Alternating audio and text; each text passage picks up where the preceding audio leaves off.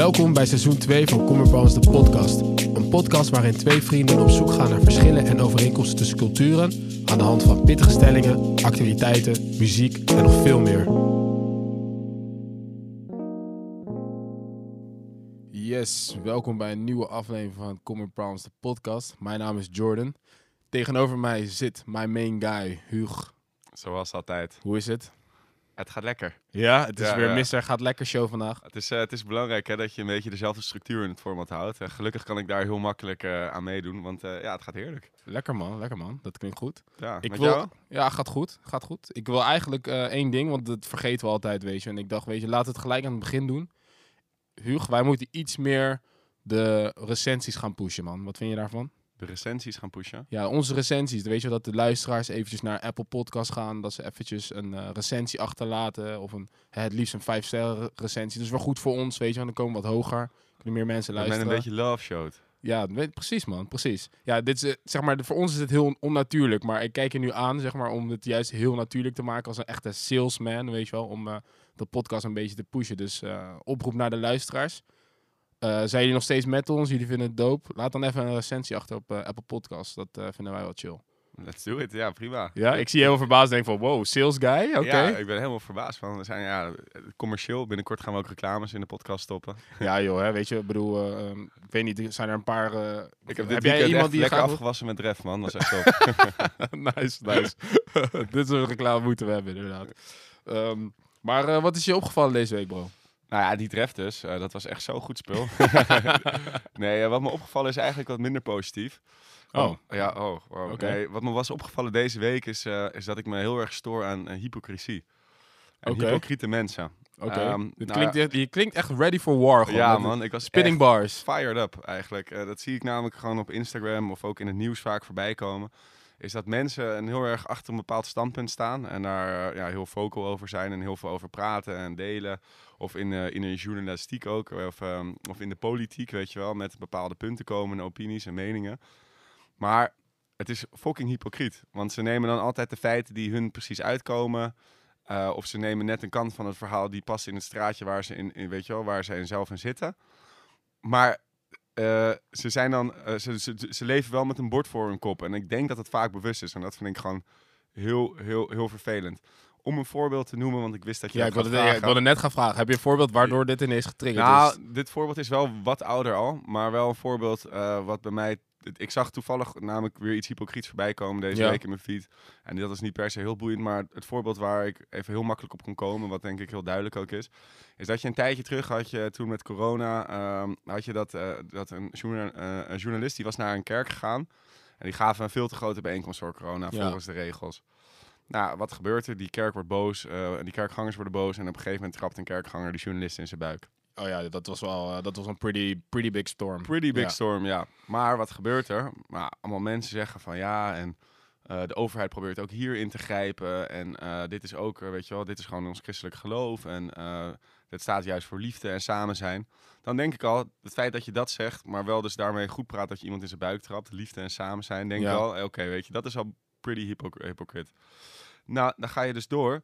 En dan heb je dus eh, een Wilders houdt zijn mond, een Baudet houdt zijn mond. Uiteraard houden die hun mond. Ja, Stel je voor, stel je voor dat dit bij een moskee was gebeurd. Die ja was, een- stond het land nou, man. dan hadden ze met hun, voor, met, hun, met hun pitchforks, met fakkels, hadden ze voor de deur gestaan om die hele moskee af te branden. Stenen waren door het eruit gegaan, noem maar op. En dan denk ik van, hoe kan je, en dat heb ik ook bij bepaalde mensen voorbij zien komen en in het, in het nieuws.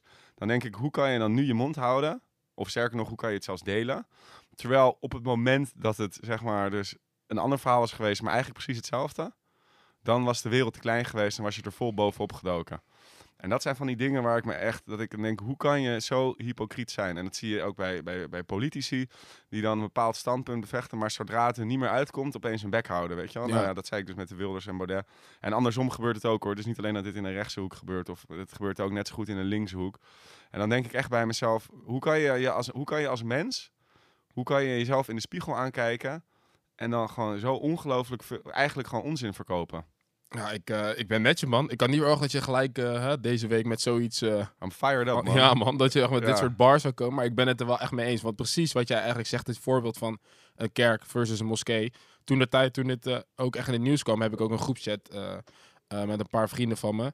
En eh, toen hadden we het hier ook over. En toen zeiden we ook van, ja, weet je, stel je voor dat het een moskee was geweest. Dan was dit echt, de wereld was echt veel te klein geweest. Dat was echt niet normaal. Ik denk oprecht dat er dan aanslagen of rellen waren geweest. Maar hetzelfde ook, kijk naar ehm, de reacties van toen met Black Lives Matter. Dat heel de dam vol stond. Over, weet je wel, het was, kon niet. En eh, eh, corona. En natuurlijk was het nog een beginperiode. Maar niemand die erbij st- stilstond van... Deze mensen kiezen ervoor om liever nog ziek te worden om ergens voor te staan. Wat iets is al een, een institution, institutioneel, eh, heb ik goed gezegd? Nou, ehm, eh, probleem. Dat dat eigenlijk eh, zo, zeg maar, zo lang is dat mensen het liefst dan naar de Dam komen om hè, ergens er te supporten. Maar then again, toen zag je ook heel politiek helemaal losgaan. Dit kan niet. En dan zie je weer zeg maar, nu andere ehm, soort van protesten. Waar mensen dan echt gaan knuffelen en fysiek elkaar opzoeken. En dan zijn dezelfde mensen die het hardst schreeuwden toen, die zijn, houden allemaal hun bek dicht. Klopt. Maar dat is wel een beetje wat ik altijd al een beetje lastig vind wel. Hy- hypocriet, maar wel slippery slope. Want wat ik me wel kan voorstellen voor die mensen die elkaar staan te knuffelen eh, op museumplein en dergelijke, Mhm. is dat zij het natuurlijk ook heel hypocriet vinden dat de Femke Halsema, eh om haar steun Ja. te betuigen, daar met 5000 man staat. En die 5000 man die mogen daar staan. Weet je wel, ik ben er ook geweest die dag. Iedereen liep daar gewoon weg toen het op het einde was, zonder dat politie ingreep of iets dergelijks. Zeker waar, zeker waar. Terwijl als zij op het museumplein willen staan met z'n vijfduizenden, dan worden ze met politiepaarden en waterkanonnen uit elkaar geslagen. Dus Ja, ik- nee, dat ik- is, ik- eh, ik- je hebt wel een punt. Maar dat daar- is dus precies eigenlijk, eigenlijk juist goed dat je het aanhaalt. Want nu laat je wel meerdere kanten zien van Dat hetzelfde ik, punt. het Ja, is niet per se links of rechts, het Nee. gebeurt beide kanten op. Ja, Maar ik, vind, ik denk dat we als, ma- als maatschappij, als samenleving en vooral als persoon een stuk verder zouden komen als we dat, dat, dat hypocriete denken weglaten. Ik, ik probeer in het dagelijks leven, probeer ik altijd te denken, als ik iets doe of ergens na- naar handel of een bepaalde actie doe, denk ik van, zou, hoe zou ik dit vinden? Weet je wel? Ja. Hoe, hoe, hoe, hoe- als ik de, als de ontvangende partij van deze actie was, of dat nou Ja. positief of negatief is, hoe zou ik dit vinden? En als ik dat een niet oké zou vinden of niet zou kunnen accepteren, dan probeer ik het over het algemeen, en dat gaat redelijk goed, er worden wel eens missetjes gemaakt, doe ik het gewoon niet. Als ik Ja. denk van, nee, dit is, als ik de andere kant van het verhaal zou zijn, zou ik het kut vinden, doe ik het niet. Ja nee, dat, eh, ik vind dat ook een gewoon basisprincipe. Dat is ook iets wat, wat ik eigenlijk van mijn moeder eigenlijk ook in opvoeding heb gehad. Van, weet je, dat je anderen moet behandelen zoals je zelf behandeld wil worden. Precies, en ik Dus denk het dat... is ook hetzelfde ook met dit soort dingen. Wil jij zeg maar een bepaalde kant belichten, dan moet je ook altijd de andere kant belichten. En als je daar dan het liefst daar dus een tegenargument op hebt, om zeg maar je eigen, eh, hoe zeg je dat? Je eigen verhaal te versterken. Maar je moet niet dingen weg gaan laten en dan om het weglaten, weet je wel. Want dan wordt het gewoon heel eenzijdig. Precies, weet je wel, dan. En dat, en, en dat zie je ook, weet je, vaak met van die mensen die heel hypocriet in het leven staan. Die staan ook niet meer open voor ander geluid. Dus die, Ja. weet je wel, die hebben hun eigen geluidje. Die, ik, nee, ik hoop voor ze dat ze zichzelf hebben afgesloten van het andere verhaal. Want als ze het bewust doen, dan ben je echt een loser. ja, dat vind ik echt. Maar als, je, als, als daar dus ook een, eh, een, ja, een valide argument naartoe wordt gepaast... eh, van, weet je wel, waarom het raar is wat ze zeggen... of waarom het totaal niet klopt wat ze zeggen... dan houden ze hun mond, reageren ze niet meer... en dan denk ik van, bro, weet je, dat is Ja. echt wat... hoe kan je jezelf nog in de spiegel aankijken? Ja, dat was even mijn agressiepuntje van de, van de, van de week. Verfrissend. Ik, eh, ik weet niet wat de luisteraar van vonden, maar ik, eh, Hugo Spinning Bars, daar ik word er niet gelukkig van. Maar het is wel iets van, dan denk ik, oké, kom maar op met je verhaal. En dan ik kan wel ranten als je wil, hoor. Ik kan echt losgaan. nou, oké, En, laten heb nog meerdere punten, maar laten we even achterwege. Ja. Wat is jou deze week opgevallen? Ehm, nou ja, voor mij was het ook iets minder positiefs. Ehm, dus ik had, nou ja, positiefs. Ik had een artikel gelezen van de New York Times. En dat ging dus over languishing. Ehm, en dat was dus eigenlijk een artikel dat eigenlijk beschrijft van de periode waar wij nu in zitten als mensheid. Eh, waarbij we dus eigenlijk niet depressief zijn, maar we zijn ook niet super opgewekt. Dus we zitten dus precies in het midden, wat dus blijkbaar languishing heet. En dat gevoel is eigenlijk dus zeg maar juist heel erg negatief, of op een lange termijn. Omdat je daardoor dus, je hebt, eh, ehm, heel je leven is vlak, zeg maar. Want je kan nergens echt naar uitkijken.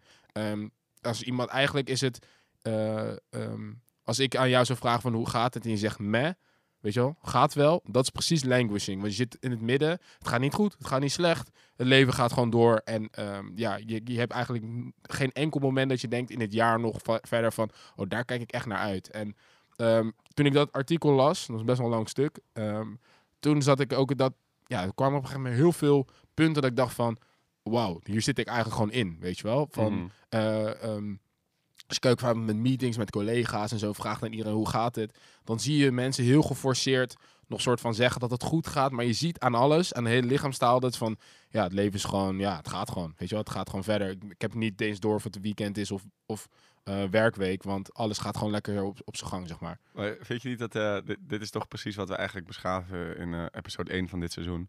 Ja. Waarin ik zei van, nou persoonlijk zei ik, ja, het, weet je, ja, het gaat goed, maar het is eigenlijk mijn hoogtepunt en mijn dieptepunt. Want Ja, er gebeurt ook voor de rest niet zo heel veel, maar het gaat allemaal wel goed, maar ja en ik, het is gewoon een beetje een steady lijn. wat ik juist heel tof vond, juist van het artikel, is omdat het dus echt benoemt, weet je wel. En Ja, En een van de dingen wat er ook in, in voorkomt, is juist het benoemen van, van dit soort dingen, van problemen of van eh, fenomenen, is eigenlijk al een, een, ehm, de eerste stap naar een oplossing of naar in ieder geval naar verbetering.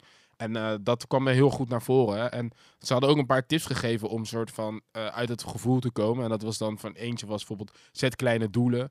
Nou, bijvoorbeeld, jij bent zelf aan het golfen bijvoorbeeld. Dus dan zeg je, nou, weet je, ehm, ik wil dan, ik, ja, ik ken geen golftermen. Ik dacht, ik ga even een paar golftermen doen, maar die ken ik niet.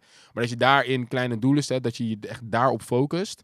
Dat je daardoor ehm, eigenlijk juist weer een, meer een gevoel van euforie kan krijgen. Omdat je dan een doel behaalt. Omdat, ja, er valt bijna niks meer te behalen. Ja, er stond zelfs bij, als jij eh, als ten doele stelt om bijvoorbeeld een hele Netflix-serie te bingen. En je focust alleen daarop, dat dat zelfs al een gevoel van euforie kan geven. Dat ik dacht, oké, vind ik een beetje ver gezocht. Maar als dat iets is, weet je wel, een, voor iemand een doel behalen is of iets ergens op focussen, dat dat al een heel stuk zou brengen. Want nu is eigenlijk iedereen nergens echt op gefocust. Want het leven gaat gewoon lekker door, weet je je, bent, wel. je bent echt een salesman vandaag. hè? Je bent nu gewoon je eigen lijstje weer aan het verkopen. Hey, you know me. Lijstjes werken met kleine doelen, dat is praktisch wat jij hebt gedaan dit jaar. Ja, precies. Weet je, dus Dreft, als je dit weer hoort, ehm, we willen graag eh, een sponsorship met jullie. Dan eh, kunnen we door, want de salesman is ready. Past goed bij onze brand. ja. Nee, maar ik vond het wel echt een heel goed artikel.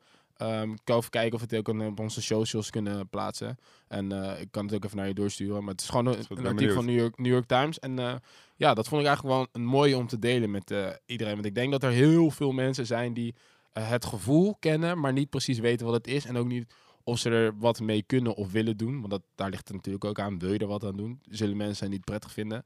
Maar ik denk dat dat eh, ook een langetermijn gevolg is iets van de huidige situatie. Wat uiteindelijk, denk ik, ook eh, nog best wel grote gevolgen kan hebben zonder dat we het echt doorhebben. Dus ik denk het feit al dat het fenomeen benoemen leidt hopelijk al tot verbetering, zou ik Eh, zeggen. en, en nu jij het, het, het woord hebt voor dit fenomeen, eh, heb je het gevoel dat je zelf ook actie beter daaronder kan, kan nemen? Of ben je dat al aan het doen? Nou, ik ben juist, moet ik eerst zeggen, dat ik, ik zit nu juist nog in een periode van, oké, het accepteren, het zien van, oké, wanneer ben ik dit, heb- heb ik het gevoel. Maar het, het feit van, oké, ik weet dat ik kleine doelen moet halen, bijvoorbeeld, is wel iets dat ik denk van, oké, dat is wel iets wat motiveert om door te gaan, weet je wel. Heb jij eigenlijk gevoel van languishing? Jij bent Mr. Feeling Good.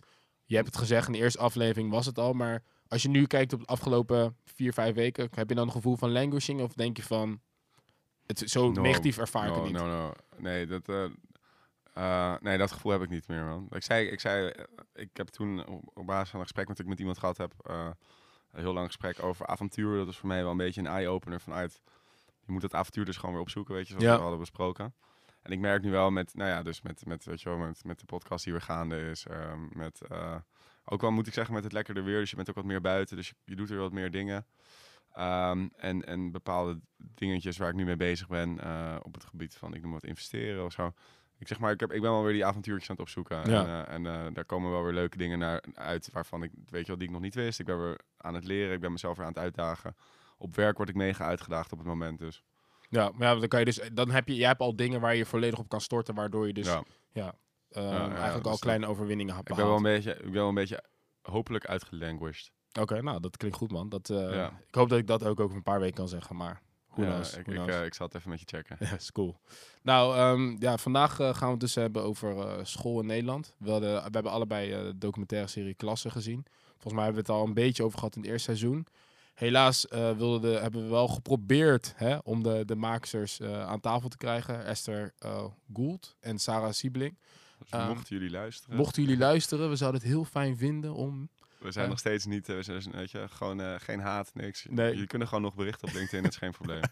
Precies, dus nee, maar we gaan het er vandaag even over hebben. Want ik ben eigenlijk best wel benieuwd hoe ehm, jij ten eerste zeg maar, die documentaire hebt hebt ervaren. Omdat er ehm, tijdens die documentaire, voor degenen die het niet kennen, wordt er eigenlijk eh, een paar groep acht leerlingen gevolgd in eh, verschillende basisscholen in eh, Amsterdam-Noord. En eigenlijk zie je heel goed het verschil tussen ehm, ehm, zeg maar biculturele opgroeien of zeg maar vanuit een betere achtergrond opgroeien, laten we zo zeggen, als in een, een more privileged achtergrond. Dus beter is niet het juiste woord, maar more privileged wel, denk ik. En daardoor zie je de verschillen heel groot. En voor mij waren een paar punten best wel herkenbaar. Maar ik ben eigenlijk benieuwd, was er ook iets voor jou herkenbaar eh, in die documentaire?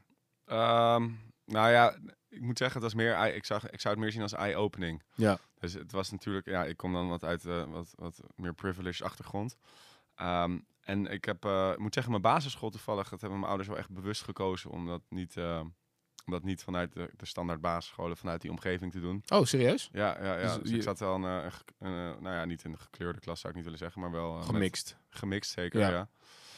En met mensen vanuit ook sociaal-economisch gezien wel echt een achterstand. Oh, dat is wel tof. en donker- donkere mensen, Marokkaanse mensen. Ehm, dus ik heb er qua de basisschool heb ik dat wel, nou ja, dat was, moet ik zeggen, was eigenlijk een hele, hele mixed basket. Er zaten ook mensen bij, dus wel uit een privileged achtergrond. Dus dat, in dat opzicht eh, eh, was het wel, eh, was, herkende ik wel bepaalde dingen, laat ik zo zeggen. De, de, de, de schrijnende gevallen vanuit die docu, die herkende ik wel vanuit mijn eigen klas. Dus dat was best tof om te zien. Ja, wat dan? Wat een, Nou ja, dus, voorbeeld? nou ja, dus een voorbeeld van een. ik had een, in mijn basisschool zat ik in de klas met een jongen. En die, die kreeg gewoon altijd van zijn ouders gewoon. zijn die, die, die, die, pa of die moeder was, ik niet meer precies, maar die was drugsverslaafd ook volgens mij. Ehm, en die kreeg dan eh, op zijn, op zijn, op, toen hij acht was, kreeg hij al geld mee om onderweg boodschappen te doen. eh, voor zijn ontbijt en, eh, en zijn lunch. Terwijl ja, dat is natuurlijk niet iets wat je als achtjarig jongetje moet hebben. Dus die kwam dan met snoep aan en, en Red Bull, weet ik veel. En, ja, en dat was gewoon. En er was ook niet echt. Je merkte dat hij duidelijk geen opvangnet had. Weet je wel. Die kwam al soms dagen in dezelfde kleren naar school en zo. Dus ik herkende. Wat ik wel herkende was dat je dus.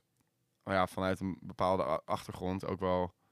Eh, automatisch een leerachterstand krijgt. Als, Ja. je, als, je, als, als de, de, de liefde en de passie er thuis niet is. Dus dat, Ja. dat had hij ook vol. Weet je. Die spijbelde al toen hij, toen hij tien of negen was, soms een dag. Bizar. Snap je? En ja, Ja. dat was echt dat was dat, dat- onmogelijk. Con- Connie had me echt, echt keihard aangepakt. dus dat, dat herkende ik wel. En ik vond het sowieso, eh, ja, wat ik zei, eye-open. Dus dat was de herkennen. En wat ik eye-opening vond, en dat, nou, daar hebben we het ook wel eens offline over gehad, is ehm, om te zien dat inderdaad dus echt gewoon bepaalde mensen, eh, eh, ja, vanwege hun achtergrond, ook daadwerkelijk ehm, ja, gewoon lager worden ingeschat. Ja. En dat vond ik wel echt heel, heel sick. En ook om te zien, je hebt ook één jongen die ze dan op de middelbare school volgen, die eigenlijk gewoon het allerslimste is van de klas. Maar die is veel te laag ingeschaald. Nou, op een speciale school Ja, op een speciale school. Waardoor nou ja, hij nul gemotiveerd meer is en überhaupt niet naar school gaat. Ja. Dus daar, dan zie je echt dat de- de system echt broken is. Dat klopt gewoon niet. Eh, en dat, gaat, eh, dat, eh, nou ja, dat, dat vond ik wel heel schrijnend om te zien. Dus in dat opzicht is wel, vond ik het een hele goede docu. Die wel echt een heel heftig probleem eigenlijk aan de kaart stelt. Ja. En laat zien dat, dat, dat institutioneel gezien, en dat ze dan ook niet bewust per se is, maar institutioneel gezien er wel echt iets niet klopt. Ja. En ik denk dat ik het allerbeste voorbeeld daarin vond, was dat op een gegeven moment, komt het naar voren ook, dat ze zeggen van dat het, hoe raar het eigenlijk is dat jij als kind, van dus als je dus eh, nou ja, huiswerkbegeleiding hebt op de basisschool en daar allemaal, eh hoe heet het, CITO-toetsen, cursussen en zo wordt gestuurd. Zeg kei en keihard moet werken en dan dus net die CITO haalt, wat eigenlijk alleen kan gebeuren omdat je uit een geprivileerde achtergrond, wat het gewoon veel geld kost. Terwijl de mensen die dus echt vanuit gigantische chaos thuis en onrust, zonder enige hulp, eh, nou, misschien net iets minder presteren. Dat die dus meteen lager worden ingeschat van, je hebt het thuis slecht, dus ga je het waarschijnlijk niet halen. Terwijl ze eigenlijk, wat zij doen, veel, veel, veel moeilijker is en Ja, veel knapper is. ja, zeker. Omdat ze het echt op eigen houtje doen, zeg maar. Precies, Ja. en ik vond dat vond ik wel echt, dat ik dacht van, wauw, ja, dat is echt een mindset eh, change die we eigenlijk zouden moeten hebben. Dat dus iemand die ook al presteert iets minder, eigenlijk veel bijzonderder is wat ze doet, dan als je door twee gewoon eh, ouders die vanuit een warm nest eh, wordt begeleid. En niet alleen door je ouders, maar echt door de huiswerkbegeleiding en dergelijke. Om, om, de, om de praktisch dezelfde resultaten te behalen. Hoe raar is het eigenlijk dat je denkt van ja, die persoon moet sowieso door. Terwijl de persoon die echt alles op eigen houtje fixt, ja, nee, die moeten we echt wat lager gunnen. Ja, man. En dat is ook het ding, zeg maar. Ik denk ook dat heel vaak ook... ehm, dat er ook genoeg kinderen, zeg maar, ook als ik dan kijk naar de middelbare school, dat er sommigen waren die echt extra hard moesten werken. En dus eigenlijk, laten we zeggen, een paar jaar lang op hun tenen lopen. Dus eigenlijk daardoor onzeker worden. Die, die, krijgen eigenlijk, zeg maar, dus te hoog ingeschat. Terwijl degene die te laag worden ingeschat, die raken niet meer gemotiveerd. En die krijgen eigenlijk van, zeg maar, juist tegenovergestelde, weet je wel. En ik kan heel goed voorstellen dat bedoel, ik zou nooit een docent willen zijn of een basisschoolleerkracht en echt iemand moeten inschatten, omdat het gewoon heel lastig is, omdat het gelijk zo tekenend is voor iemands toekomst. Maar het is natuurlijk wel iets duidelijks aan de hand als zeg maar eh, dit structureel gebeurt. Volgens mij was Ja. ook echt een nummer, een hoog percentage van kinderen die verkeerde eh, schooladvies kregen, weet je wel. Dat zijn wel echt dingen vol. dat ik echt denk van, dat vind ik zo bizar eigenlijk om dat te zien. Ehm, Hoe kijk jij daarnaar dan, naar die docu? En vanuit een misschien wat meer persoonlijke ervaring. Nou, ik moet zeggen dat ik wat dat betreft soort van ook het geluk heb gehad eh, dat ik in ieder geval niet naar een school ben gegaan uit de buurt waar ik vandaan kwam. Dus zeg maar omdat ik eh, ehm, eigenlijk naar een oppas ging, dat uiteindelijk gewoon eh, praktisch familie werd, dat ik bij hun terecht kwam en eh, zij woonden gewoon in een, in een nieuwere wijk. En dus ik ging gewoon naar dezelfde school als hun kinderen. Omdat, ja, dat was gewoon de school die het meest dichtstbijzijnde was. Dus dat is ook toevallig de grootste school van Zoetermeer toen de tijd. Ehm, dus daar zaten dan natuurlijk ook de betere leerkrachten, weet je, de betere klassen. Dus ik zat ook wel bij kinderen in de klas die eh, zeker eh, de, een paar die een marmeren vloer hadden, maar er waren ook gewoon, eh, het was wel all walks of life. Dus dat, dat scheelde wel echt veel. Waardoor ik dus wel altijd met beide benen op de grond ben gebleven. Het was wel heel ge- gemoedelijk. Alleen als je kijkt naar diverse achtergronden, dan was het echt. Was ik, ik was letterlijk de enige kroesharige kind zeg maar, op een school van 500 kinderen. Eh, dus dat is ook best wel. eh, dat heeft weer zijn andere gevolgen, laat maar zeggen. Maar ik merkte ook dat ik toen in eh, groep 8. ehm, ik had altijd CITO-scores, had ik altijd VWO, zeg maar. Dus het ging eigenlijk altijd heel erg goed. Ehm, en toen had ik dus één keer gewoon, ja, we weten allemaal hoe de CITO is. eh, hoe oud je ook bent, je herkent dat vast wel. Het is gewoon een momentopname. En toen had ik een keer, bijvoorbeeld voor, voor begrijpend lezen of taalvaardigheid, had ik een keer VMBO-score. En toen was het gelijk omlaag gehaald. En zei ze van, ja, terwijl mijn school toen was soort van een van de eerste die zeiden van, ja, we gaan geen CITO-scores gebruiken. We kijken gewoon echt naar je kind hun, ja, de laatste drie, vier jaar van de basisschool. Weet je wel, het niveau die ze aanreiken. En toen eh, zag ik dus ook dat, eh, toen kreeg ik dus een HAVO-VWO-advies. En toen is mijn moeder ook wel gaan strijden. Een soort van, joh, luister, dan haal die haven maar weg. Want dat is gewoon een momentopname, dat weet jij ook. Toen zei ze, ja, nee, dat moet echt en dat moet echt. En dat waren wel dingen dat ik nu in hindsight denk van, oké, dat is wel iets tekenend, weet je wel. En je kan zeggen, misschien objectief zeggen, ja, maar je had een VMBO-score. Maar ja, die toets daarvoor had ik wel gewoon een VWO-score. Dus het is echt een momentopname in mijn op- eh, opinie. Maar je denkt dus echt dat dat, dat, dat, dat wellicht, in ieder geval, je zal het nooit 100% kunnen weten, maar dat dat wellicht wat te maken had met gewoon jouw, jouw, je huidskleur en je achtergrond. Ja, dat zeker. Want het was ook wel een bepaalde spanning af en toe met die leraressen, zeg maar. Het was niet mijn eh, beste vriendin, zeg maar, weet je wel. Ja, ja. Dus eh, ik, ik denk wel dat dat wel een, een zeker een rol heeft gespeeld. Dus Zeker. En wat, wat doet het dan als je, nou ja, ik, ik weet niet of je dat misschien precies nog weet of misschien wel. Maar wa- wat doet het dan als je als, als, als kind, zeg maar, dus je eigenlijk de, de helemaal freeride doorheen en alles ziet gewoon positief uit. En op basis, eh, dus je zegt gelukkig had je toen niet door, of dacht je toen niet van, nou Mhm. dit komt omdat ik, omdat ik donker ben. ja. Maar wat doet het dan als kind als je opeens lager wordt ingeschat? Ehm, nou, ik moet zeggen, ik- kijk, ik zat ook in een klas, dat, en dat zie je ook in die, in die documentaire. En dan zie je ook een klas juist met allemaal privileged kinderen, weet je wel, waar echt, zeg maar, lager dan VWO wordt niet geaccepteerd, weet je wel. Dus ik had wel een paar groepje kinderen in mijn klas die soort van ook die, die, die lat daar legden, zeg maar. Dus daar wilde je ook bij horen. En ik wist ook dat ik daarbij hoorde, zeg maar. Dus ik moest, moest wel, wist wel dat toen ik dat advies kreeg, dat was natuurlijk supergoed, maar ik dacht wel op dat moment even, mm, weet je wel, apart. Maar ik had juist ook waar die motivatie ja, dan, dan laat ik je zien dat ik het wel kan, weet je wel. Ik bedoel, eh, ik, eh, ik, eh, ik laat wel zien dat ik het kan, Ja. weet je wel. En uiteindelijk is het daarna ook altijd freeriding gaan. Dus in wat dat betreft ben ik ook privileged. Maar ik weet, ik heb wel laatst de, de, het gesprek toevallig met mijn vriendin over gehad van dat ik heel benieuwd ben als ik naar een school was gegaan uit mijn eigen buurt, hoe het dan was afgelopen, weet je wel. Is het echt een persoonlijk ding, weet je wel? Mhm. Of was ehm, dat ik echt uit mijn, uit mijn eigen graag wilde presteren? Of is het ook echt omdat je gewoon een veilige, veiligere en betere omgeving zit, zeg maar, weet je wel? Want dat zie je ook in die documentaire terug, dat er docenten, allemaal, of tenminste leraren, naar eh, specifieke scholen gaan die beter presteren. En eigenlijk dus niet op de scholen zitten waar het juist nodig is, weet je wel? ja. En eh, toevalligerwijs was ik laatst bij een vriend, mijn oude huisgenoot, een goede vriend van me, die is naar Amsterdam Noord verhuisd. En ehm, toen zag ik eigenlijk precies zeg maar, de, de, het portret van die documentaire. Dus dat verschil, het diverse, dat zie je heel erg terug in Amsterdam Noord. Ik ben er zelf nooit geweest, echt zo, zo diep in Noord, laat maar zeggen. Wat dus eigenlijk heel erg uitnodigend was voor mij. Dat ik dacht van ja, dit zou ik echt wel een goede plek waar mijn kind zou willen opvoeden. Alleen wat je ook in die documentaire zag, is dat al die kinderen die dan uit eh, hè, van de juppengezinnen, laten we zo zeggen, allemaal, die gaan allemaal naar andere scholen toe, omdat het soort van beter is. En toen heb je, je hebt dus ook een grote eh, soort van ja, activistengroep, eh, Verdedig Noord. Ik weet niet of je dat kent. En die hebben dan gewoon een soort van manifest met allemaal punten waar zij vinden dat, hè, dat, dat eh, Amsterdam zich moet aanhouden en Amsterdam Noord. En een van die punten is van, als jij naar Amsterdam Noord komt verhuizen en je komt er niet vandaan, dat zij willen dat die kinderen gewoon naar de plaatselijke school gaat. En ik vond dat eigenlijk best wel een goeie Mm. omdat daardoor, eh, door dat diverser te maken, en juist de invloed van ouderen, want het zijn ook vaak de meer betrokken ouderen, ouders. Als je meer betrokken bent, kan je ook je school soort van pushen om betere mensen aan te nemen, weet je wel. Ja. Eh, terwijl als je allemaal ouders hebt die niet betrokken zijn, dan is het ook voor een school zijn, is, het lijkt mij ook dat je denkt van, nou, weet je, het loopt wel los, weet je, we hoeven niet de beste te hebben, weet je. Ja, nou ja, ik kan me, ik, ik, ik, ik kan me daar wel voor. Ik, ik denk dat, ik kan me, laat ik zo zeggen, ik kan beide kanten van het verhaal wel voorstellen.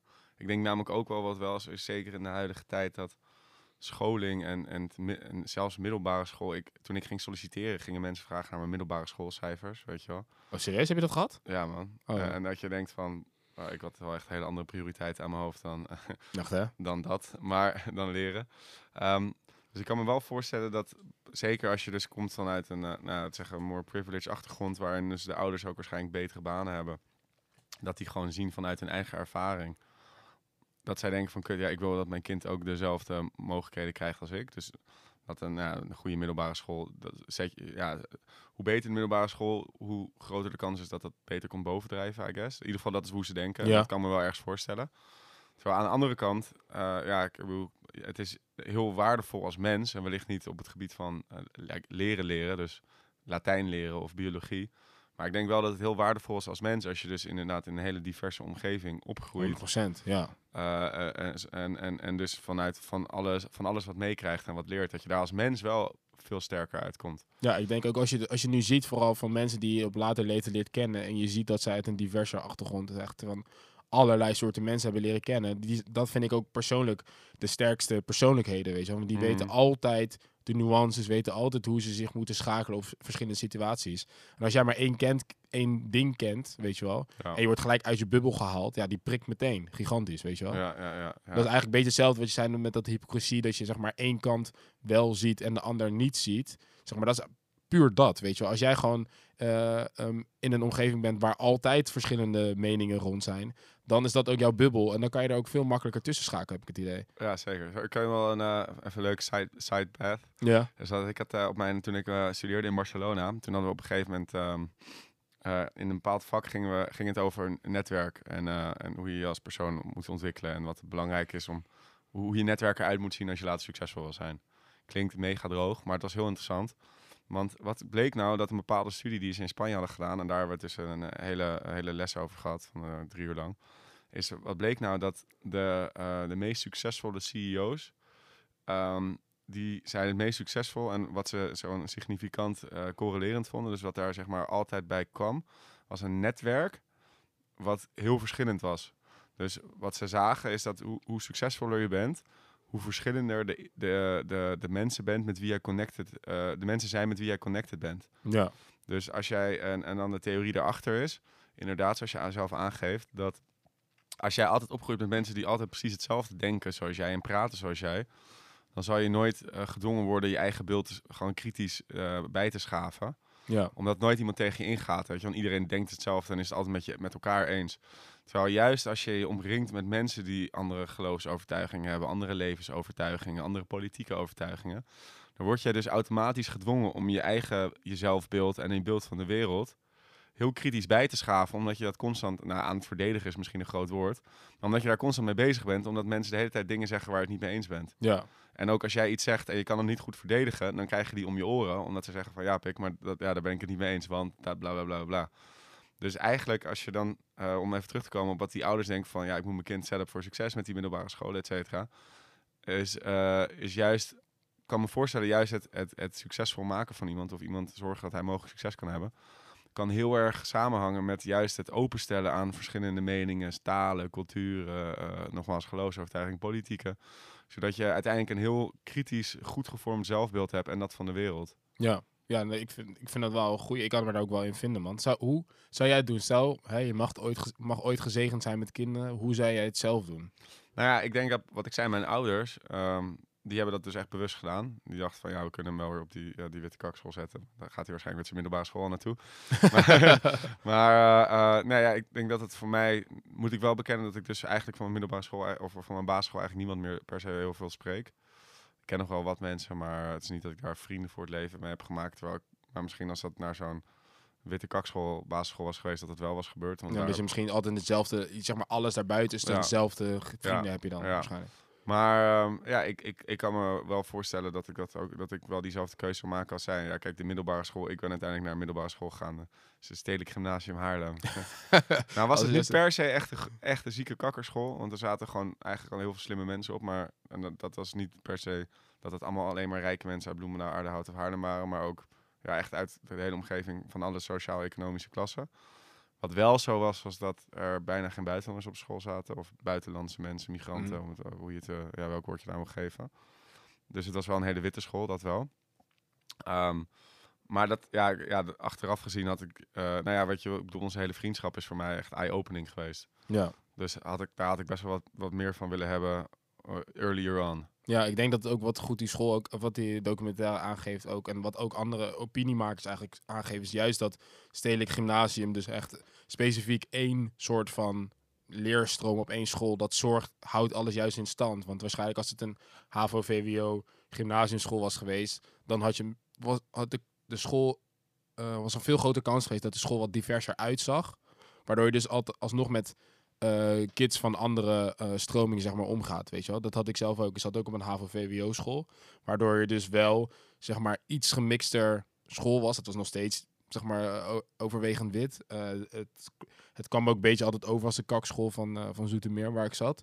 Maar ehm, ik heb heel veel vrienden van het leven gemaakt die al de HAVO hebben gedaan, eh twee talen VWO hebben gedaan, weet je wel. Dus het is wel, dat heeft mij wel veel goeds gedaan, zeg maar. Omdat je daardoor Ja. wel met verschillende gasten altijd om bent blijven gaan, zeg maar. Ja, nou had je laatst in het nieuws, eh, kwam naar voren dat de onderwijsraad, volgens mij, die had advies gegeven. Waarin ze zeiden van, hey, moeten we die eh, hele middelbare schoolsysteem, moeten dat niet op de schop gaan gooien? Ja, en waar moeten we niet, ehm, moeten we niet zeggen dat de eerste drie jaar gewoon nog helemaal gemixte klassen zijn? Dus dat je dus in plaats van de basisschool, dat je dan al je keus maakt, dat je dan pas na drie jaar dus weer je keus maakt, snap je? Ja. Uh, om dat te zeggen van, ja, weet je, kijk, die mensen zijn 11, 12, ja, dan, dan, dan ben je nog niet. Terwijl als je 15 bent, begin je wel aanmerkelijk, zeg maar, duidelijk beter te kunnen inschatten wat iemand zou moeten gaan doen. ja. Uh, hoe kijk jij daarnaar? Eh, ik vind het wel een goeie. Ik heb zelf eh, twee jaar lang in de HAVO-VWO-klas gezeten. En dat was ook wel eh, zeg maar prettig, omdat je dan het eerste jaar leer je eigenlijk zeg maar echt middelbare school leven. Weet je wel, van eh, boeken meenemen, huiswerk maken. Weet je wat, op dat moment was alles natuurlijk veel te veel. En, eh, dus je, kreeg sowieso een soort van een jaar om, om zeg maar te acclimatiseren. En dan die tweede jaar is het zeg maar oké. eh, dan nog een extra half. Dan was het eerste half jaar ook een beetje zeg maar op de HAVO-kant niveau. En dan het tweede half jaar werd dan meer de VWO-kant niveau. En daardoor werd het wel op een makkelijkere manier soort van die schifting gemaakt, zo to speak. Wat wel best wel heftig klinkt als zeg schifting, maar ehm, waardoor je dus uiteindelijk bepaalde punten moet halen om dus dan of VWO te gaan doen of HAVO. Ik heb, ik, ik weet wel dat ik natuurlijk uit een, in, in dit geval een privilege hoek kom, omdat ik juist dan uiteindelijk VWO heb gedaan. Dus ik weet niet hoe mijn vrienden die HAVO hebben gedaan, of hoe zij daar zich bij voelen. Maar ik denk dat een extra jaar best wel makkelijk had gekund, omdat er ook best wel veel grote groep ehm, ehm, ja, ben- kinderen waren die zeg maar in de derde klas uiteindelijk weer naar de HAVO gingen, naar 4 HAVO. En dan zeiden ze na, na dat jaar, zei, ja, je gaat VWO-examen ga je toch niet halen, doe maar 4 HAVO. Dus dat is natuurlijk ook niet goed voor je Mhm. hele zelfvertrouwen. Terwijl andersom heb ik ook vrienden die dan HAVO deden en eigenlijk te hoge cijfers haalden. Maar dan eigenlijk hadden ze al van ja, ik ga geen VWO doen, dan ga ik toch niet halen en moet ik meer moeite doen. Weet je wel? En als je Ja. dan toch dat extra jaartje doet, denk ik dat je dan toch misschien of gemotiveerder raakt of het duidelijker voor je is van oké, wat ik wel, wat ik niet kan. Ehm, maar wat ik wel denk is dat scholen moeten oppassen dat ze niet, want dat gebeurt ook heel veel, die letten heel erg op het slagingspercentages. De school waar ik op zat, die was echt heel erg bezig met slagingspercentages. Dus ehm, als jij tweetalig VWO ging doen, dan deed dat vanaf de eerste klas. En zij wilden altijd, wilden ze gewoon die 100% slagingsscore halen. Dus kom jij, zeg maar, ergens binnen de kaders, ga je daar, daarbuiten, zeg maar, vooral aan de, aan de onderkant, in je in die hele zes jaar kan je ieder jaar kan je er gelijk van afgetrapt worden, weet je wel. Mhm. Wat natuurlijk gewoon echt eh, dodend is voor je zelfvertrouwen. Maar ook, zeg maar, wat heb, wat, ja, die school krijgt natuurlijk een bepaalde subsidie of aanzien als zij altijd een 100% slagerscore hebben. Terwijl ik denk, ja, sommige mensen hebben nou gewoon eenmaal dat extra jaartje nodig, weet je wel. Of even motivatieproblemen of weet ik veel, lopen aan te kloten. Ja, dat ze even het licht moeten zien. Maar moeten daar mensen dan gelijk zo hard voor gestraft worden? I don't know. Dus ik denk wel dat, eh, dat die nieuwe systeemsdoor, ja, doorvoering, dat het een goed idee is. Alleen denk ik ook dat, eh, dat daarbij ook de, die slagingspercentages, dat dat ook nieuw, zeg maar, opnieuw naar gekeken moet worden. Weet je wel? Ja. Maar als ik het nou omdraai, ja. Dus eh, ik, ben, ik ben het met je eens. Hè, dat dus voor sommige mensen, dat zijn gewoon laadbloeiers. Of, nou, daar kan je het gewoon nog niet zo goed zeggen. En ik kan me, ik kan me helemaal erin vinden dat, ja, om, om te zeggen om twaalfde eigenlijk iemands toekomst te bepalen, praktisch, dat dat eigenlijk veel te vroeg is. Maar als je nou omdraait en je zegt, ja, je hebt zelf uiteindelijk VWO gedaan, je hebt een master gedaan.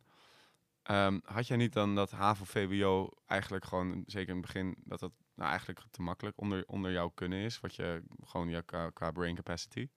Qua nee, ik denk dat ik, ik ben, ik, als ik kijk naar mijn schoolcarrière, was ik wel altijd iemand die, eh, ehm, ik had wel discipline, dus dat heb ik wel altijd gehad. Maar ik deed altijd net genoeg wat ik moest doen. Dus die kan je misschien dan zeggen, ja, misschien is het onder je, je, je capacity. Maar ik denk dat ook wel dat ik, als ik er nu op terugkijk, denk van ja, ik, ik heb het wel op mijn manier gedaan. En ehm, zo zou ik het ook blijven doen. En ik ben er eigenlijk best wel content mee, zeg maar. Ik denk dat, dat ook de school waar ik naartoe ging, had sowieso geen VWO-klas. Ik had misschien dan de tweetalig VWO kunnen doen. Maar ik ben eigenlijk blij dat ik dat niet heb gedaan. Omdat wat daar dus bij gebeurde, zoals ik net al zei, met heel erg het 100% slagingspercentage en dat soort dingen. Dus zij werden ook heel erg op een pedestal geplaatst. Weet je, ook met zo'n voetstuk geplaatst van, Mhm. oké, dit zijn de, de special ones. En dat zijn dan twee klassen. En die werden eigenlijk eh, altijd een beetje gescheiden van de rest van de 13 andere klassen, weet je wel. Ja. En later, op, ik heb ook zeg maar echt vrienden voor het leven uit die, die klasse. En die zei, kwamen ook later bij de groep en die zeiden ook van ja, wij vonden dat super kut dat wij de eerste drie, vier jaar waren wij altijd alleen maar met onze twee klassen. Je bent eigenlijk je hele leven, je middelbare schoolleven is gewoon diezelfde 60 kinderen. Terwijl mijn middelbare schoolleven was letterlijk 200, weet je Ja. wel. En dan heb je nog niet eens over klassen erboven of klassen daar, daar, daaronder, weet je wel. Ja, ja nee, ik, ik, vroeg, ik vroeg het namelijk. Is namelijk ehm, met, met als volgt. Bijvoorbeeld, ik had op de, de basisschool, heb ik me echt doodverveeld. Echt, Ja. echt doodverveeld. En juist toen ik daarom eh, in de, gewoon naar de eerste klas naar, naar het gymnasium kom, was voor het eerst dat ik me echt, zeg maar, enigszins uit werd gedaagd om, om, om, nou ja, om te leren, om meer te leren, om ja, bepaalde vakken te volgen. Dus voor mij was het wel echt een uitkomst dat ik eh, meteen in een klas zat waar ik voor het eerst, zeg maar, eh, intellectueel werd uitgedaagd Ja, om er echt iets van te maken. En waar ik voor het eerst ook, nou niet meteen, maar op een gegeven moment ook, ook echt mijn best moet gaan doen om gewoon de goede cijfers te halen. Ehm, dus dat is wel een gevaar waar je tegenaan loopt. En kijk, ik, ik, nou ja, weet je, ik mag niet klagen over, over wat er in mijn kopie zit. Maar ik was echt met, met op het, zeker op het stedelijk gymnasium zitten echt hyper intelligente mensen. Mensen met Asperger ook, weet je wel. Gewoon Ja. Echt mensen, gewoon Einsteins. Nou ja, zulke klassen zijn voor hun natuurlijk echt een hel. Die vervelen zich helemaal de tering in, om het zo, even, om het Ja. zo maar te zeggen. Weet ja, Terwijl juist, zo'n gym, gym- juist door zo'n gymnasium te hebben, of om- om- hoe je, hoe je, welk woord je het ook wil geven, Ja. een klas waar je dus allemaal mensen hebt die wat extra uitdaging nodig hebben, kan je, kan je die mensen ook boven zichzelf laten uitstagen, eh, uitstijgen. Terwijl als ik nog drie jaar lang basisschool had vervolgd, nou, dat, dat, dat, dat had ik, dan was ik ook een verschrikkelijk kind en dat was ik eigenlijk al. ja. Maar was ik nog, nog kutter geworden op de middelbare school. Want ik, ja, uit verveling ga je, merkte ik, ga je gewoon, word je gewoon kut. Ja, maar is het niet ook, ook zo dat je, je zegt ook heel vaak uitdaging, maar gaat het niet per se om de uitdaging zelf en niet om per se wat de klas is? Zeg maar, ik had bijvoorbeeld ook Nee, op de basisschool dat ik dacht van, weet je wel, dit is onder mijn niveau, maar dan kreeg je, kreeg je rekenen van, weet ik veel, groep 7 en dan zit je in groep 6. Noem maar wat, weet Ja, je ja, wel. ja, klopt, klopt. Dus dat is wel, dat zo hebben ze het ook op mijn basisschool geprobeerd op te lossen. En ik op een gegeven moment kreeg ik allemaal, weet je wel, dan kreeg ik inderdaad wiskunde van de middelbare school en zo. Maar wat je wel hebt, is als je dus met een klas zit met mensen die allemaal ongeveer hetzelfde niveau hebben, dan heb je wel als leraar de, de, de capaciteit om daar zeg maar mee om te gaan. Terwijl als jij in een klas zit eh, met iemand die eh, uiteindelijk VMBO kader, nou ja, dat gewoon het, het juiste onderwijs voor die persoon zou zijn. Ja, En met iemand die stedelijk gymnasium vrij makkelijk haalt. Eh, en dat zijn twee van de dertig mensen. Mhm. Probeer dan maar eens als onderwijzer te zorgen dat iedereen op zijn plek valt. ja. En wat je gaat zien natuurlijk, en dat is ook wat er op de basisschool gebeurde en zelfs op de middelbare school in het begin, ehm, is dat je bij mij, is dat je de mensen die de meeste moeite hebben met meekomen, die krijgen natuurlijk de meeste aandacht. Ja, dat, is, dat, dat gebeurt wel vaak. Ja, Wat, wat logisch ook is. Mhm. Maar dat betekent dus dat, weet je wel, dat er voor de mensen die makkelijker meekomen, weinig aandacht is. Ja, maar ik denk dat je daardoor, als je zo'n beslis, besluit maakt om dat misschien te mixen, heb ik denk ook dat je zeg maar de leraarsysteem moet ook veranderen, waarbij je dus meer leraren in één klas zet. Maar weet je, Waardoor hoeveel, dat- weet je hoe groot de lerarentekort is op Ja, dat is, heel, dat is heel groot. Maar dat, ik denk dat dit ook een project moet zijn. Wat ik sowieso vind, dat er gewoon veel meer geld naar onderwijs moet. Ja. Want dat is de hele reden waarom er gewoon een leraartekort is. Omdat zij worden verwacht van een bepaalde loon wat niet echt heel erg eh, aantrekkelijk is. Zelfde in de zorg. het lijkt me dus ook denk van, ja. baan dan. Ja, mij lijkt het superleuk. Maar weet je wel, ehm, is- maar je, je, kan, je valt, niet veel eer, er valt niet echt veel eer te behalen. de- anders dan zeg maar de, de, de liefde en de respect die je kan krijgen van de kinderen en de ouders daarvan. Maar zeg maar money-wise. Nee, maar ik moet wel bekennen Ja. dat, dat, dat het verschilt wel per leraar, man. Want ik, sommige leraren, weet ik in ieder geval uit persoonlijke ervaring, hebben weinig liefde en respect ontvangen, man. Ja, nee, maar dat, maar dat is ook niet, blijkbaar hun motivatie dus niet. Of, eh, of Nee, maar ik vraag me wel, ik heb wel echt bij sommige leraren, als ik nu terugkijk, ik denk van, wat was in godsnaam je motivatie wel? Voor, voor, voor de love en de passion van de kinderen deed absoluut niet. nee, nee, dat is waar. Dat, dat, ik denk dat we daar allemaal wel de handen mee kunnen schudden. ja. Ehm, ja, zeg maar eh één stukje wat, wat hoger. We hebben allebei natuurlijk op de universiteit gezeten. Zeg maar meer privilege dan dat kan er niet zijn. Zeg maar als je kijkt. eh, Nou ja, heel- privileged. ik Ja, maar zeggen, nog- Nee, maar de universiteit in Nederland vind ik niet privileged. Het is eh, juist Nederland is een prachtig land omdat de universiteit Mhm. niks kost. Privilege wellicht dat we het kunnen doen qua, qua Ja, intelligentie. nee, dat bedoel- ja, dat is wat ik wilde zeggen, ja. Dat jij zeg maar het meest privilege vanuit intelligentie. Ja, Ja. nee. Ik wa- was nog bezig met de nuance. Eh, dus eh, don't shoot your ba- eh, bars at me, eh Huug. Fired up, bro. maar ehm, ja, hoe heb je dat eigenlijk ervaren? Daar ben ik wel benieuwd naar, zeg maar, gewoon die universiteit. En eh, zeg maar, het Nou ja, ja. ik was gewoon die guy die je nooit zag. ik was gewoon tijdens de tentamen zo, wow, wow, jij studeert ook. Dat is Ja. zeg maar. Dus Dat is gewoon, gewoon volop aan het genieten van het studentenleven. ja, ja ik was Ja. echt, eh, ik was gewoon altijd gewoon twee weken voor tentamenweek ging ik aan de slag en dan, eh ja, Dan ging je je leren en dan stond je weer, was je er weer opeens. Dus ik, eh, ja, ik had, ik heb ook niet echt, eh, ik moet, ik heb, ja, niet, ik zeg niet echt, ik heb een paar, maar heel weinig eigenlijk studievrienden of zo. Dat, ik was er Mhm. gewoon nooit. Ja. Maar Eh, heb je ook maar niet ik vond het heerlijk, ja. Zoveel vrij. Ik vond het heerlijk dat je eindelijk gewoon eh, de vrijheid had om gewoon naar je eigen kunnen gewoon te handelen. Ja, Eh, en dat was, eh, ja, vond ik perfect. Ik had jou van die verplichte colleges, dat vond ik echt verschrikkelijk. ja. Maar had je niet het bijvoorbeeld het gevoel van, oké, ik ben nu echt eh, een, een onderdeel van een groe- kleine groepje mensen. Of weet je, ik ben een onderdeel van gelijkgestemden. Of van, Nee, als ja, ik dit doe, nee, dan weet ik echt me- dat ik een fantastische carrière ga krijgen. Of, Nee, kijk, dat ik deed, ik deed een, een, een stu- een studie economie en financiering. Dus dat is sowieso al niet echt een Ja, mind-blowing studie. Als in niet, spe- niet speciaal, dat doen heel veel Mhm. mensen in Nederland. Uh, en ik was er dus niet, dus ik voelde me ook niet echt onderdeel van het studenten, de UvA-studenten of zo. Want Ja. Ja, ik, ja, ik- ja ik, had, eh, ik had gewoon mijn andere bezigheden in, het- in het studentenleven. ja, oké. dus dus ik heb dat niet, eh, ik heb me niet zo, ik, ja, jij hebt het ook al over studievrienden. Ik heb als ik Mhm. zou, in alle eerlijkheid denk ik dat ik kan zeggen dat ik één studievriend heb. Ja, ik ook twee of drie. Ehm, en dat verschilt wel, want ik, toen ik in Barcelona studeerde, toen had je dus, al- waren alle colleges verplicht. ja. En daardoor krijg je wel veel meer het gevoel van, oké, dit, zijn, dit is mijn klas. En of mijn, ja, de- mijn klas, dit zijn de mensen die erin zitten. Je gaat met hun vaker dingen doen, weet je wel. Je Mhm. hebt allemaal gedwongen projecten waar je samen zit en zo. Merkt eigenlijk verschil tussen Barcelona en in Nederland, zeg maar. Ja, we moeten meegaan. Want dit was wel een hele internationale eh, opleiding in Barcelona. Dus, eh, en er was ook ja, het een hele goede business school staat die aangeschreven.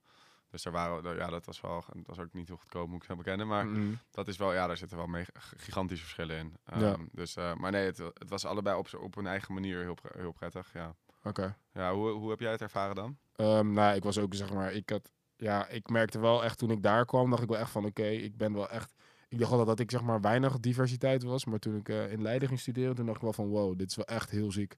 Zeg maar, het begint al, heb ik jou ook een keer verteld, dat je de introductieweek had van je eerstejaars en dat je eh, naar allemaal studentenverenigingen ging. En eh, om gewoon een beetje een soort van, hè, mensen leren ontmoeten. En Leiden is echt een studentenstad als in met veel, veel verenigingen. Nou, het is echt niet mijn ding. Dat heb ik al volgens mij wel vaak verteld. En toen was ik dus naar een feestje gegaan van een roeivereniging daar. En toen kwam dus een, eh, was een feestje en die chick kwam, naar, kwam een chick naar me toe en die zei van... eh, ehm, ja, ehm, ja, je bent wel echt, eh, echt groot en sterk. Je zou echt lid moeten worden. En dan word je wel misschien de eerste zwarte man van de Holland 8. Toen dacht ik, wow, wat? Waar heb je het over? Eerste zwarte man, waar heb je het over? Nou, nu ben ik al helemaal niet geïnteresseerd. Toen ben ik dus soort van boos weggelopen. Niemand die natuurlijk begreep, want... Hè, Terwijl het arme meisje het waarschijnlijk gewoon heel positief en lief bedoelde juist. ja, maar dat vind ik alsnog van, ja, weet je, eh, learn your audience, weet je wel. Soms Ja, zijn ja, dingen true, die je denkt dat een compliment is, is echt geen compliment. Ehm, en de- toen zeiden ook mensen tegen mij, huh, maar zij heeft net een eh, bronzen medaille gewonnen op de Olympische Spelen. Dit en dat. Ik dacht, ja, fuck do I care? Sorry ma dat je dit hoort, maar ik dacht echt, weet je, het boeit mij het nou, weet je. Ik, dacht, ik vond dat zo'n zo'n rare op, opmerking al in the first place.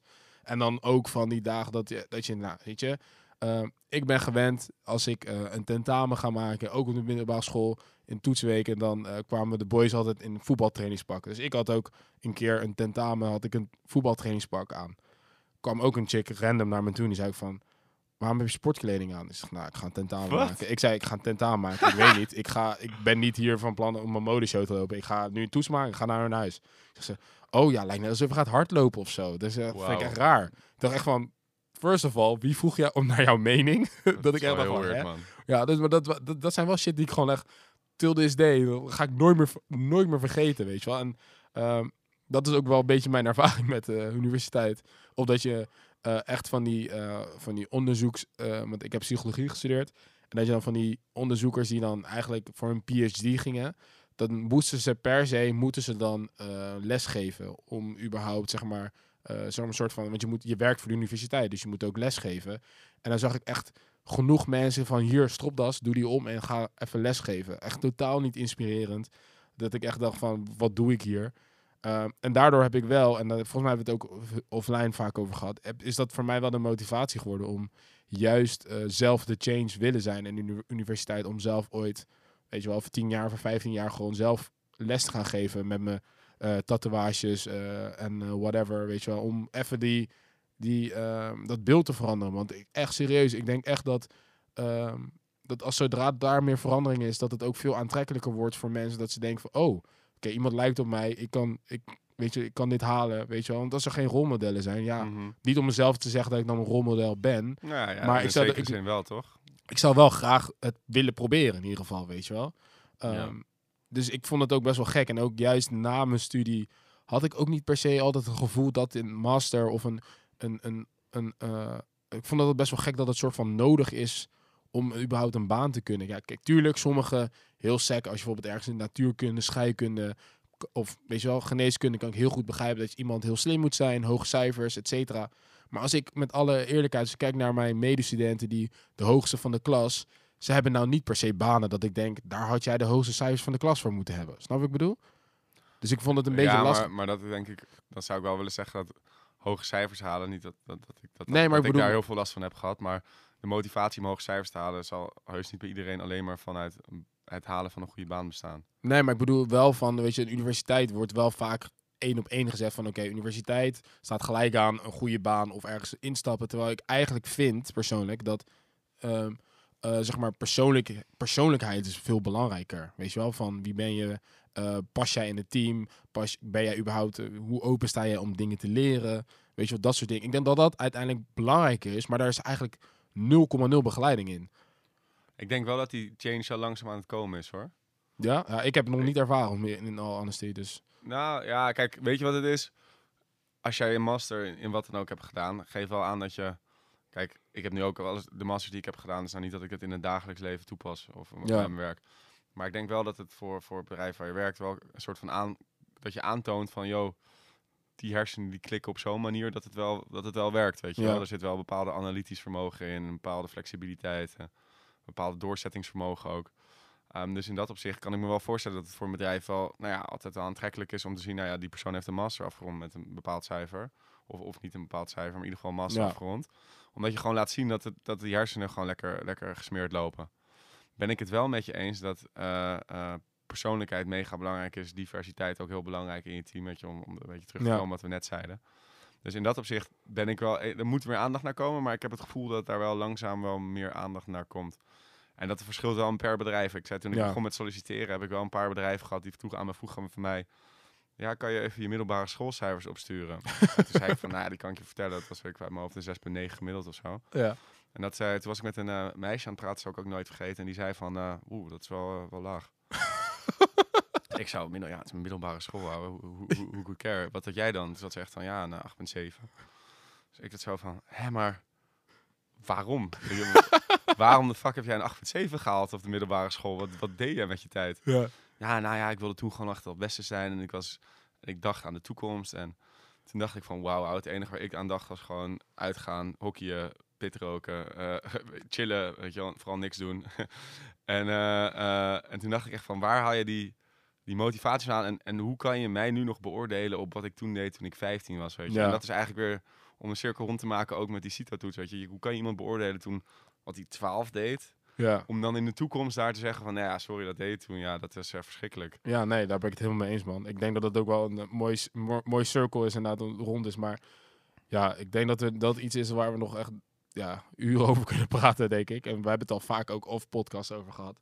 Maar ik denk een beetje als conclusie, denk ik inderdaad, dat we er allebei over eens zijn dat we inderdaad misschien te vroeg eh, worden verwacht van hè, dat, je, dat, je, dat een bepaalde momentopname, dat dat eigenlijk soort van heel je toekomst moet beelden. Want uiteindelijk, ja, je moet nog zoveel dingen ervaren daarnaast, weet je. Je bent jong, eh, je gaat eh, van je eerste feestjes tot aan, eh, weet je wel, andere interesses. Dus dan, ja, wat zegt dat dan nou precies om op je twaalfde dan soort van te weten van, oké, Ja, het is een of 15 VWO-kind of of, 16 of weet ja, zelfs dan nog, weet je wel. Want uiteindelijk moet je het gewoon zelf ontdekken, denk ik ook wel. En laten we hopen dat er inderdaad misschien een toekomst is waarbij je diploma's iets minder belangrijk worden. Als in eh, dat je niet wordt verwacht dat je een 8,7 hebt op je middelbare school. Oké, dat is op. Ehm, ja, Sterker nog, ik zou als, als werknemer, om nog even af te sluiten, mhm. ik ben in rant-modus. Ik zou als werknemer, als ik iemand zie die op zijn middelbare school een 8,9 heeft gehaald, zou ik eerder denken van, oeh, is dit wel een persoon die ik in mijn team wil, weet je wel? ja. Die blijkbaar zo...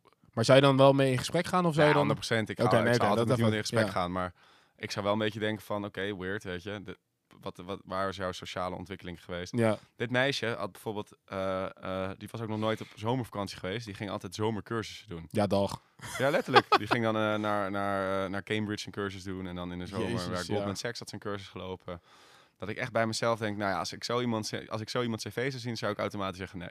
Nee, dat begrijp ik wel. Het is misschien eigenlijk ook wel weer een beetje waar we het over hadden. Hè? Dat, je niet, dat je niet echt hè, open staat voor het andere geluid. Dus het gesprek zou je wel aangaan. Ja, Alleen, het is niet in je voordeel. Terwijl, ja, terwijl heel vaak wordt het in een voordeel gebruikt. Maar ik denk niet dat wij de personen zijn nee. waarbij ons in het voordeel zou zijn. en, en dat is een beetje wat jij zegt, weet je. Het gaat ook om dat andere deel. Het gaat, Ja. Als je zo prestatiegedreven bent en zo ermee bezig bent, denk ik niet dat ik een persoon ben waarvan je denkt, uit daar kan ik op bouwen. En dat wordt echt, eh, weet je wel, echt eh, Mhm. gezellig en een goede connectie ook onder. Ja. Ehm, nou, om daar dan toch echt helemaal af te sluiten. Hugo, heb je eh, een quote voor ons meegenomen? Ja, nou, ik, ik zou eerlijk zijn. Het was best, best een taaie deze keer. Oh, oké. Ik kon, eh, ik, ja, het lijstje is nogal lang, maar ik kon daar niet per se iets vinden waarvan ik denk van, dit zou echt precies bij, bij klassen en bij onderwijs, want in alle eerlijkheid, ja, er zijn denk ik niet heel veel inspiring quotes over onderwijs. Althans, ik, heb ik kom ze Mhm. niet dagelijks tegen. Ja. Dus wat ik dacht, we geven gewoon een beetje in een creatieve interpretatie aan, eh, aan, aan wat ik in mijn, in, mijn lijstje, in mijn lijstje heb staan. Dus we gaan doen, ehm, eh, het is een les. Dus Oké. Het is een les, ik geef les vandaag. Oké. Meester eh, Hugo. Meester Hugo. En eh, ik heb deze quote, ja, ik, helaas kon ik hem weer niet vinden van wie Mhm. het was, want het is ook geen quote, het is een verhaal. Oké, Het is een oud boeddhistisch verhaal. oké. Ik heb het laatst gelezen in een boek wat ik aan het lezen ben. En ik vond het een heel mooi verhaal, met een hele mooie les. Daar gaan we. Het gaat over, namelijk over twee monniken en die staan bij een rivier. En beide monniken hebben een eed afgezworen dat zij nooit een vrouw mogen aanraken. Ehm, zou al niet mijn closure zijn. maar, maar maar dat je het nu al gefaald zou zijn, maar goed. ja, maar dat gezegd hebbende. Dus ze hebben afgesproken, eh, gewoon een eed gezworen, ik ga nooit een vrouw aanraken. Ze staan bij die rivier, het is nog wel een wilde rivier. En eh, nou, daar moeten ze doorheen waden om hem over te steken. En nou, ze komen bij dat, oversteek, dat oversteekpunt aan en ze zien een vrouw staan. En die kan die rivier niet over, omdat nou, die is niet krachtig genoeg. Het is gewoon... En ehm, eh, die, nou ja, ze- die vrouw zit zo kut, ja, ik moet naar de overkant, hoe moet ik dat doen? Waarop één monnik tegen de ander zegt, van, eh, of, eh, van, weet je, ik los het wel op. Zij zegt tegen die vrouw, weet je, spring maar op mijn rug. Ik, ik neem je mee als we de rivier oversteken en dan zet ik je aan de andere kant af. Nou, die, monnik, die andere monnik kijkt een beetje naar hem en die denkt van, wow, oké, weird. Weet je. Ik dacht dat die eten net hadden ja. afgesproken, maar oké. Nou, dus nou, dat, dat gebeurt zo geschieden. Ze steken over. die vrouw springt van de rug, weet je wel, heeft het gehaald, happy, en die loopt weg. Ehm, de monniken vervolgen hun tocht over de weg, stilzwijgend. Maar bij die ene monnik zit het toch niet echt lekker. die denkt toch van, yo, weet je, ja, dit is een beetje weird. Ik dacht dat we die eten hadden afgesproken. Je hebt die vrouw op haar rug genomen. Wel om haar te helpen om het goede te doen, maar toch.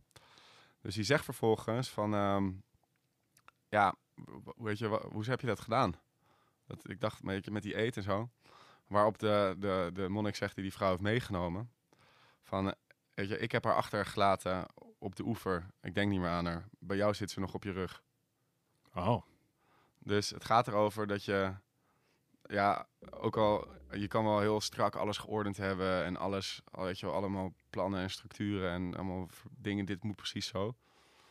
Maar eh, juist die mensen die daar zich heel erg aan vasthouden, die, hebben die, die dragen die demonen met zich mee Ja. als het een keer misgaat.